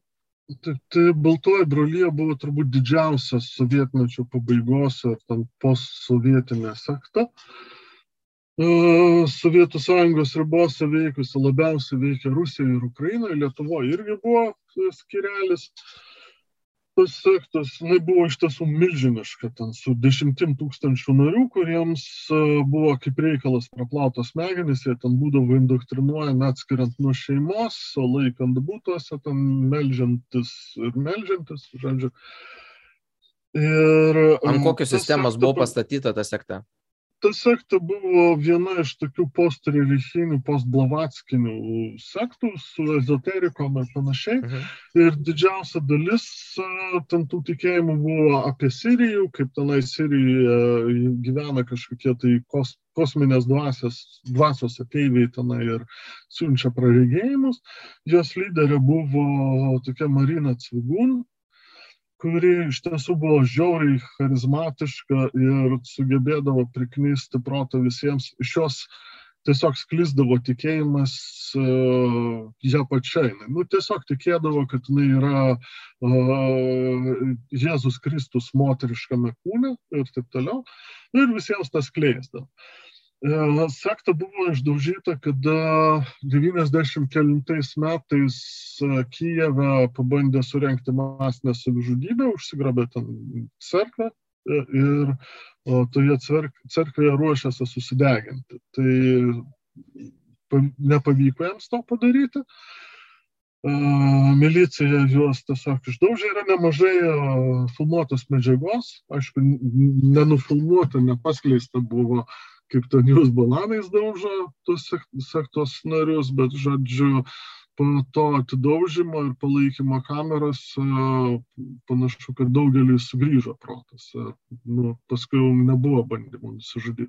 Bet tai, nu, kiek laiko šitą davo... sektą maždaug, kol užaugo iki šito įvykio, kiek metų maždaug? Nu, plus minus. Dešimtmetis, dešimtmetis mažiau turbūt netgi negu dešimtmetis. Tik, mhm. Tai gana greitai tiek užauginti narių ir, sakykime, iki Armagedono nueiti gana greitas, e, gana greitai čia. Taip, taip ypač plėtėsi paskutinius keletą savo gyvavimo metų ir nu, labai aktyviai. Kartu surinkinėdavo pinigus iš žmonių, priversdavo juos parduoti būtus, savo visą turtą, taip toliau, taip toliau. E, paskui tie žmonės būdavo verčiami į telgetauti, žodžiu, kad tik tai surinktų kažkiek pinigų. Bet matyt, ne vien pinigai buvo svarbus tai sektos vadai. Nes, Jūs kaip pasakytumėt, Richardai, prasti vadybiniai sugebėjimai, ne? sektos. Na, prasti, prasti, turbūt rūpėjo labiau ten jos pačios klėdėsiai. Žodžiu, tai yra, jinai ne tiek darė biznį, jinai surinkdavo pinigus, užtaškydavo kažkur. Tai. Mm. Tai va, tai paskui jinai buvo uh, nuteista, bet uh, tos sektos pagrindų ėmė ir atsirado visa krūva kitų mažesnių sektų su vadais ir vadukėmis. Ir iki šiol vis atsiranda atplaišos, kurios tiesiog perdirbtus tos marinos cigūn raštus skleidžia, arba kažkokius atnaujintus raštus, arba atsiranda nauja kokia nors Jėzaus įsikūnytoje. Ar jūs prisimenat pagrindinius nu, jeigu taip galima pasakyti, tos sektos mokymo aspektus, ar prisimenat, ką jie teikdavo kaip savo kažkokią tiesą arba aspektus? Jis teikdavo, kad jinai yra Jėzus ir taip toliau. Žodžiu, ten visas jo šnekos, kad yra Jėzus e, ir panašiai, bet šiaip praktinis žodis tai yra Sirijus. Jeigu išgirstate. O ko čia Sirijus su Jėzum? Kaip čia ateiviai plus Jėzus? Jinai siejo viską su Sirijumi ir jeigu išgirstat kur nors žodį Sirijus, tai užduokit savo klausimą, kad ar tikrai čia ne iš Bėlojo bratstvo, ir greičiausiai čia bus e, susijęs su Bėlojo bratstvo ir pakapšius paaiškės, kad tai yra kažkas iš tų sektos narių arba mhm. susijusių su sektos nariais, ėmė ir atkūrė naują atplaišą. Tai tos naujos atplaišos yra tokios gudresnės, į, savižudybės masinės jos netempia, bet tiesiog bando uždarbiauti žmonių. Tai Lietuvoje matėme keletą Aha. O kodėl jums pasirodė indikacija, kad Alatra yra susijusi su Baltaja brolyje? Nu, tai žod, žodžiai atsitiktiniai, nu, va, tokie kaip Alatra, kurie uh, pas šitas va, rusiškos kilmės sektas yra labai dažni, kurie tiesiog pasiema. Patikslinkit, jūs turite omeny, nu, pasiema kažkokį neegzistuojantį žodį ir panaudoja taip, be, be backgroundo kažkokio? Jie, Taip, jie netgi susikuria žodžius, kurie tiesiog skambėtų rytietiškai. Ir jeigu truputėlį paklau, pažiūrėjus pasimato kas nors apie Sirijų, apie dvasingumą, pasimato, kad kažkas tai su baltais drabužiais arba lyderė moteris, panašiai čia yra tokie vat, požymiai, kad greičiausiai kažkur tai backgroundė praeitįje buvo ryšių su ta baltąja brolyje ir paskui tai reikia pasitikrinti internetą ir tada surandi po kiek laiko, nu, po gana neilgos paieškos surandi, kad taip, sąsajos yra, kad... Nu, Alatros toks, va, įdomus, nežinau, ar čia čia yra kažkokia besitėsianti, kažkokie tokie miksai tam tikrų, sakykime, tų, tų uh, tokių elementų, tai tam pačiam Alatros judėjime ten uh, sėdi tas charizmatiškas lyderis, dar kita moteris ir sėdi ateivė, ateivė kuri, kuri nežinau iš kokios aš ten ne, ne, vis, ne viską suprantu, bet... Iš Sirijos, matyti. Jo, veikiausiai iš Sirijos ir ten uh, tiesiog interaktina, tiesiog iš žmogaus pavydalu ir, ir, ir ta, kaip suprantu, ta, ta kažkokia tasa yra užsikabinus. O jūs patikslinkit, prie ko čia tas Sirijos, ta prasme? Ten nuskristi reikia, ten kiti jiems, žmonės gyvena, ateiviai gyvena. Jiems ten kažkur tai užsifiksavo, aš irgi gerai nesupratau, prie ko tas Sirijos, bet kad tenai ateiviai iš Sirijos ir kad iš tiesų viskas susijęs su Sirija. Na, nu, šiaip Sirijos yra kaip žvaigždė, na, na, labai daugelį visokių prietarų, religijų minima, nes viena iš tokių ryškių žvaigždžių. Ką čia veikia šitą, šitą miksą puidokas? O jisai matyt irgi įsimaišė į tą miksą, nu ir viskas, mes matom tiesiog tokia atveju. Ta prasme. Taip, ir, nu, ta prasme, jeigu mes pasižiūrėsime, į kur jisai tenai buvo įlindęs, ten buvo filialas kažkokios latviškos sektos, latviškos sektos lyderė, vėlgi pas, pasikapstom ir vėlgi tas backgroundas susijęs su baltaja brolyje. Nu, bet taip ir įlindo. Kaip jisai įlindo, aš nežinau. Bet kur žodis Sirijus, ten paprastai šviečia baltoji brolė. Panašiai kaip ten, kur yra kryžius, tai kaip nors šviečia krikščionybė. Na? Nu, taip, taip, taip, tai, tai tos, tos, tos įtakos yra panašios. Tai, man atrodo, mes jau prieėjom į pokalbio, galbūt uh, pabaigą, uh, nežinau. Jeigu čia... galima, Aha. jeigu galima, aš dar vieną tiesiog įdomumui paminėsiu Gerai. sektą, kuri pas mus, pas mus jos nėra, vakaruose su juo susidūrė, turbūt tai baisiausia tokia iš pavojingų sektų, tai ISIS. Tai yra islamo valstybė. Ir įsivaizduokim tokį dalyką, kuo jie tiki. Jie tiki tuo, kad įvyks Jėzaus Kristaus sugrįžimas į žemę. Ir tada Jėzus Kristus baus netikelius ir į rojų paims tuos, kurie yra tikeliai, tinkami. Suprantate, čia yra va, tas aisės tikėjimas. Tai yra, islamas iš tiesų yra pakankamai susijęs su krikščionybė ir Jėzus Kristų ją laiko pranašu. Ir kažkas tai iš jų arš, aršiausių vat, tokių islamistinių veikėjų ėmė ir sugalvojo tokią naują apokalipsės teoriją, kad ateina pasaulio pabaiga ir reikia kovoti prieš tuos netikelius, nes bus Armagedonas. Ir jie nuėjo kovoti ir jie kovoja, skaitydami, kad tai yra Armagedonas, tai yra paskutinis mūšis dėl uh, tikėjimo, po kurio įvyks pasaulio pabaiga.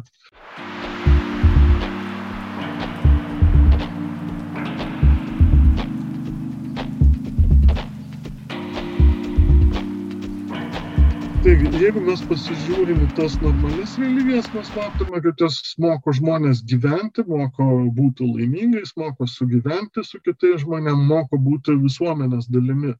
Ne, tai yra didina socialinę integraciją, didina žmonių laimingumą ir panašiai.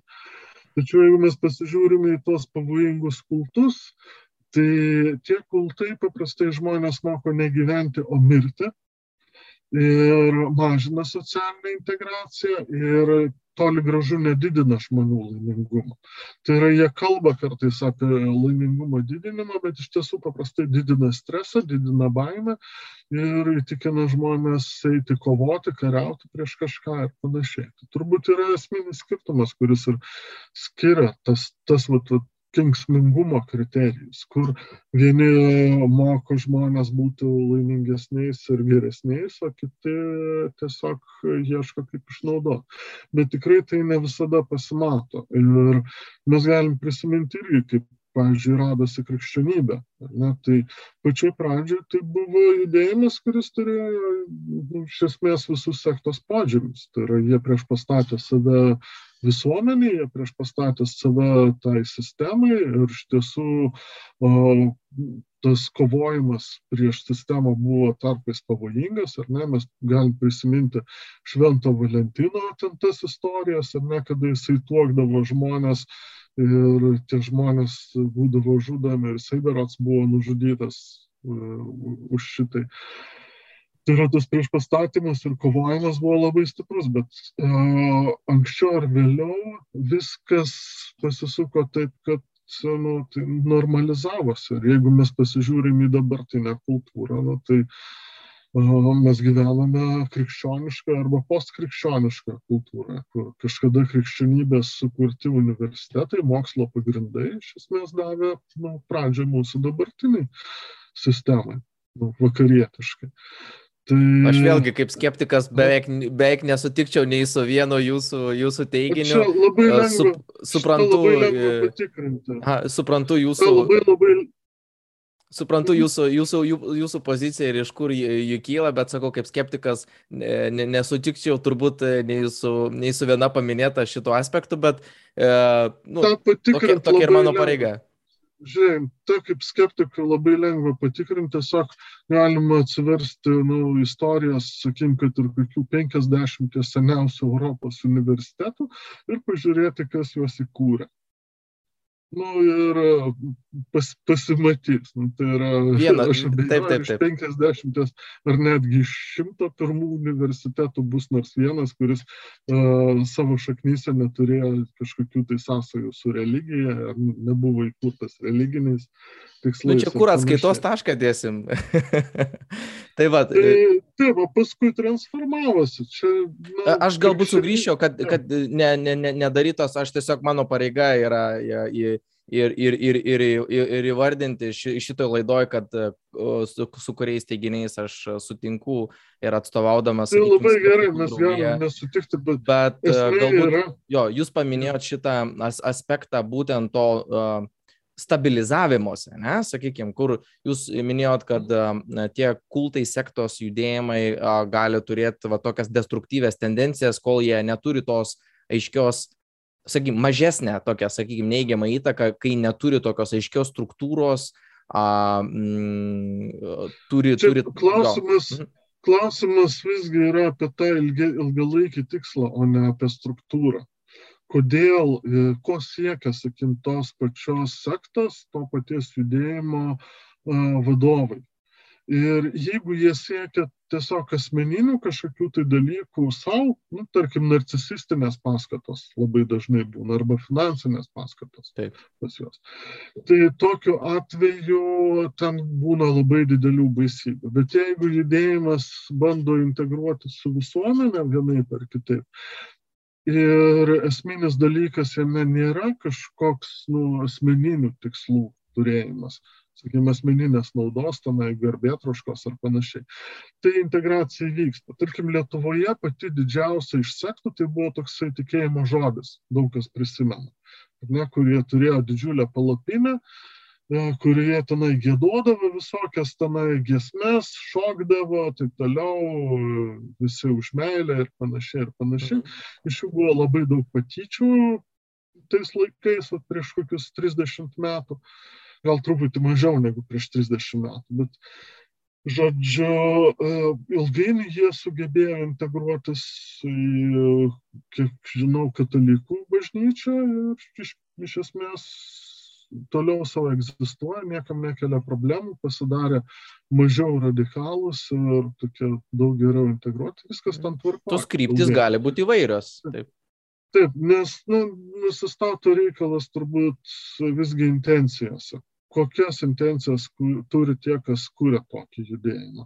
Tai kažkuriems žmonėms reikia tiesiog artimumo, gerumo iš kitų žmonių na, ir tada ilgainiui gali atsirasti visai normalus judėjimas, kartais galbūt po kelių šimtmečių, galbūt negreitai, mhm. o kitais atvejais mes turime kokius nors ten sociopatinius narcizus, kaip sakykime, Umšinrike atveju, tenai buvo, nu, iš esmės, žmogus, kuris su visiškai nusikaltelio mąstymu, visiškai absoliučiai tikintis pats, kad jisai Dievas yra, ir su visokiam tai šlikštynėm, kurias jis išdarinėjo, kur, sakėm, aš nežinau net ar verta minėti. Ne, neminėkit, jok, jokios vertės tai nesukurs. tai, tai va, bet jisai sugebėjo priknisti protą tūkstančiam žmonių, atrodė kaip inteligentų sekta, tenai iš tiesų dalyvavo daugiausia visokie studentai, mokslininkai ir panašiai, daugiausia techninių krypčių, tarp kitko, ne humanitarinių. Mhm. Ir jisai sugebėjo įsikurti ir filialą Rusijoje, iš Rusijos išsivilioti ir mokslininkų dirbusių su cheminiu ginklu ir būtent tie mokslininkai jam padėjo pradėti cheminio ginklo gamybę. Tai yra, Tai mes vat, turim skirtingus tokius atvejus. Tai aš žiūrėčiau turbūt dar į sektos vadus ir kiek tie sektos vadai uh, yra ryškus ir jeigu jie yra labai ryškus, tai tenai irgi būna dažniausiai problemų. Mhm.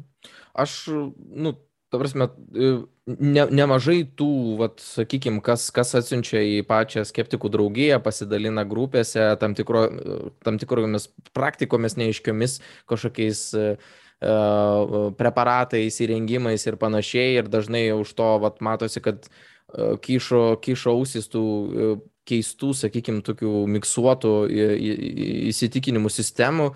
Ir at, at, at, atrodo, kad keičiasi keičiasi kartais ir tos, tos, tos priemonės į, į, įtraukimo, kaip ir jūs minėjote, tinklinis marketingas, tam tikri preparatai, vaistai ir taip toliau. Tai o, at, atrodo, kad keičiasi tam tikros tos schemos, kaip žmonės yra įtraukiami, ne būtent per tiesioginės kažkokias tai... Ne, jie, mhm. Jos nesikeičia, o tas ir įdomumas, kad jos nesikeičia. Jeigu mes pakapstysim uh, po šimtą metų istoriją visokių mhm. sektų, tai iš principo priemonės daugiau mažiau tos pačios. Tai mhm. Ir bombardavimas meilė, taip vadinamas, tai yra, kur duoda žmonėms šilumos ir gerumo tam, kad jie pasijustų laimingi, ne? ir visokie preparatai, gydomosios žalelės ar dar kažkas, tai šimtus metų būdavo įrankis įtraukti žmonės į visokius nerišlius judėjimus. Tai yra, mes tiesiog turime kartais modernesnės technologijas, kur atsiranda, pavyzdžiui, koks nors prietaisas, kuris ten, tarkim, su lazeriu gydo, ten, nu, nesvarbu ką ten, sakykime, arba. Bet mechanizmai tie patys, iš esmės, tiek psichologiniai, socialiniai. Ir psichologiniai, ir socialiniai, ir tiesiog triukai tie patys. Tai yra, nu, su preparatais, vėl su preparatais uh, irgi labai įdomu. Tai sviruoja nuo visiškos, uh, sakykime, homeopatijos vienais atvejais, kur duoda kokių nors lašiukų ar tablečių, kurias iš tiesų neveikia, bet žmogus patikė na, iki nu, visai kraštutinių atvejų, kaip Paulų Šenrikio atveju, kur būdavo platinamas heroinas. Tai yra žmogus gauna heroino dozę, pajunta tą euforiją, bet jam sako, kad čia jisai patyrė praregėjimą, nes tas sektos vadas jam suteikė tokią galimybę. Mm.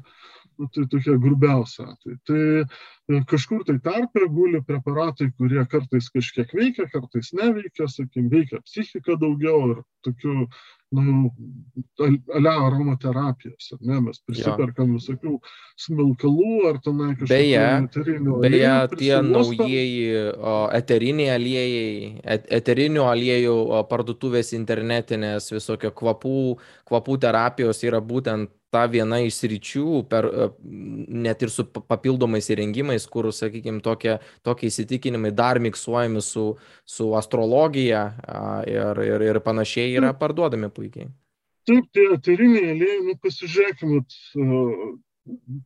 nu, pabandykim praktikui tiesiog įsipilam į garintuvę, pasklinda kvapas, jisai malonus, jisai iš tiesų veikia psichiką, mes pasijuntam kažkaip kitaip, jeigu mes bandom tuo metu dar ir medituoti kažkaip, tai mus, mus gali tiesiog paveikti teigiamai, mes galime pasijusti žymiai laimingesni. Ir mums sako, kad čia iš tiesų yra ne šiaip savo, čia tu patyrai praregėjimą kažkokį, prieartėjai prie kosminių energijų, jeigu dažniau tai kartosi, tai tau bus geriau. Kartais gali tai būti ir visai nekaltas dalykas. Yra, sakėm, visokių tam būrimo salonų ar tam būrimo parduotuvėlių, kurios iš esmės pardavinėja akmenukus, eterinius aliejus, sektos jokios normaliai nesubūrė nu, žmonės gauna savo aliejukų eterinių, pavosto jau, pasijunta galbūt geriau. Kitais atvejais mes pamatome tokį sukčiavimą, kur yra milžiniškų pinigų išviliojimas iš žmonių, kurie serga. Ir jeigu žmogus serga vėžių, gydimas trunka ilgai ir kartais nelabai sėkmingai, žmogui priknisa protą, kad jam reikia kokių neaiškių preparatų iš neaišku kur, iš kokio nors ten Tibeto ar dar iš kažkur. Tai prideda visokio šlamšto, žmogus geria tos preparatus, nu, paskui numiršta, bet jisai galvoja, kad uh, išgyvens iki paskutinio momento. Tai tiesiog būna amoralus išnaudojimas. Tai kur yra toksai šiaip amoralus išnaudojimas ir sukčiavimas, o kur yra uh, išprotėjusi religija, nu, tai yra va, tos sektos kultai, kurie yra pavojingi, kartais labai sunku nubrėžti ribą. Taip, taip, taip. Neapibrėžta. Čia biški mindfulness, čia biški aromaterapijos, čia biški horoskopų, čia biški krikščionybės, čia dar, čia dar biški to, čia biški to ir kur tos ribos. Uh, Taip, ta pati mindfulness, čia labai geras paminėjimas, ta pati mindfulness yra kuo puikiausia psichologinė metodika, kuri padeda šiek tiek apsitvarkyti su stresu, šiek tiek pajusti save, šiek tiek pajusti savo emocijas įsivardinti, ar ne, ir jinai labai plačiai taikoma kaip pagalbinė metodika psichoterapijai ir kai kurie netgi taiko ją tiek, kad e, mano, jog vien mindfulness pakanka tam, kad žmogaus būklė gana smarkiai pagerėtų. Bet čia iš kažkur išlenda kažkokie tai religiniai veikiai, kurie perskaito tą patį, ar ne? Pradeda tas pačias arba panašias metodikas taikyti, kadangi psichologiniai metodai yra, kurie veikia, ar ne, pajuskime, ką jaučiame rankomis, ne, pridėkime prie kažkokio tai daikto. Arba paragaukime kažko ir pajuskime, ką jaučiame. Ne, tai yra ta pati, tarkim, grounding technika, kurią naudoja daugybė žmonių, kurie turi PTSD ar tam kažkokias kitas problemas. Tai puikiausiai pritaikoma ir tam, kad apdūminti. Tam tikri mechanizmai, kurie yra patvirtinta, kad veikia, yra tada kažkuo uždengiami, užlipinami ant viršaus ir tada pateikiama kaip visiškai naujas kažkoks tai metodas, taip, būdas. Prisiminkim, prisiminkim sintologiją. Ar ne, kada Hubardas prisiskaitė apie psichoanalizę ir tada nutarė padaryti savo geresnę psichoanalizę, kuri daugiau pinigų atneštų psichoanalizė jam nepavyko, ne, nes jisai darė ne psichoanalizę, briedą kažkokį, jisai padarė aparačiuką, kuris atseit detektuoja kažkokias tenai energijas, iš tiesų yra kraštutinai primityvus melo detektorius, odos laidumą matuojantis. Tiesiog, mhm. Ir su panašiais tenai klausimais, nu, tipo kažkoksai tai grininimas, sąmonės, tenai apsivalymas ir kažkas. Ne. Nu ir ką padarė? Puikus pavyzdys jo tokių kylančių miksų. Uh, tai gal šita gaida tada, um, Richardai, ir, ir baigim, buvo labai, labai smagu pakalbėti, iš tikrųjų jūsų Ačiū. turbūt jau iš tos gyvenimiškos patirtis ir, sakykime, tie pastebėjimai, ypatingai e, kas yra susijęs su rytų, rytų kultūra, rytų tradicijom, kas gali būti galbūt jaunai kartai netai pažįstama. Pavyzdžiui, man tikrai buvo daug kas, daug kas nauja. Jo labiau, kad aš asmeniškai, pažiūrėjau, irgi tiek, tiek gerai rusiškai neskaitau ir, ir negaliu šaltinių analizuoti, čia, čia labai naudinga. Galima aš dar pridėsiu vieną. Apie tai, kaip, kaip apsigaunama. Nu, Bet čia neilgas bus. Okay, Jūs turbūt okay. žinot apie visokius tenai cigūn, kunfu, visokius taici ir panašiai. Taip, taip. Girdėjau. Mhm. Ir visokios irgi kosminės energijos ir panašiai ir panašiai. Ne? apie kurias klėdima, nu, absurdiškai. Tačiau jeigu pasižiūri raštus tų, tų pačių vat, savyginos e, metodų kuriejų, kaip tenai kaupiama ta energija ir taip toliau, ir taip toliau, tada, e, nu, aišku, jeigu užtenka tos išvalgos, supranti, kad jie kalba apie banalę inerciją, tai yra statinė energija, E, e, tai yra inercijos duodama energija, mhm. ne, dinaminė, ir apie statinę raumenų energiją. Ir kaip mes verčiame, sakykime, kažkuriuos tai judesius iš raumenų energijos į tą inercinę judesio energiją. Kinetinę. kinetinę yeah. Taip, kad ta kinetinė energija, pavyzdžiui, perduotų kuo stipresnį smūgį. Ir jeigu pasižiūri visas tas technikas, tos visokios kreivimo sąjungai, jie yra tiesiog, pavyzdžiui, tam, kad įsukti ranką ir su jie gerai tvoti. Tai čia kaip kokie dalykai. biologijos tam tikri pagrindai, fizikos ir biologijos pagrindai taip. persukti, pertransformuoti į kažkokią taičį.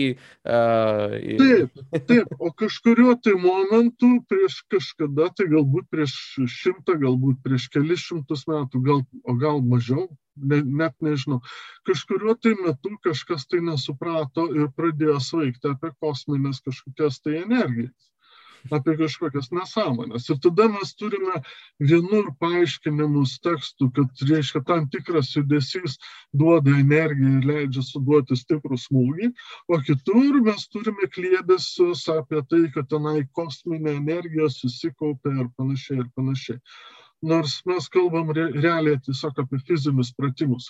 Kaip suderinti, tarkim, smūgį su kvepavimu, ar ne, kad iškvepiant, nes įkvepiant tu negali suduoti smūgį gerai, ar ne, ja, nes nu, negali dirbti raumenys tam tikri kartu.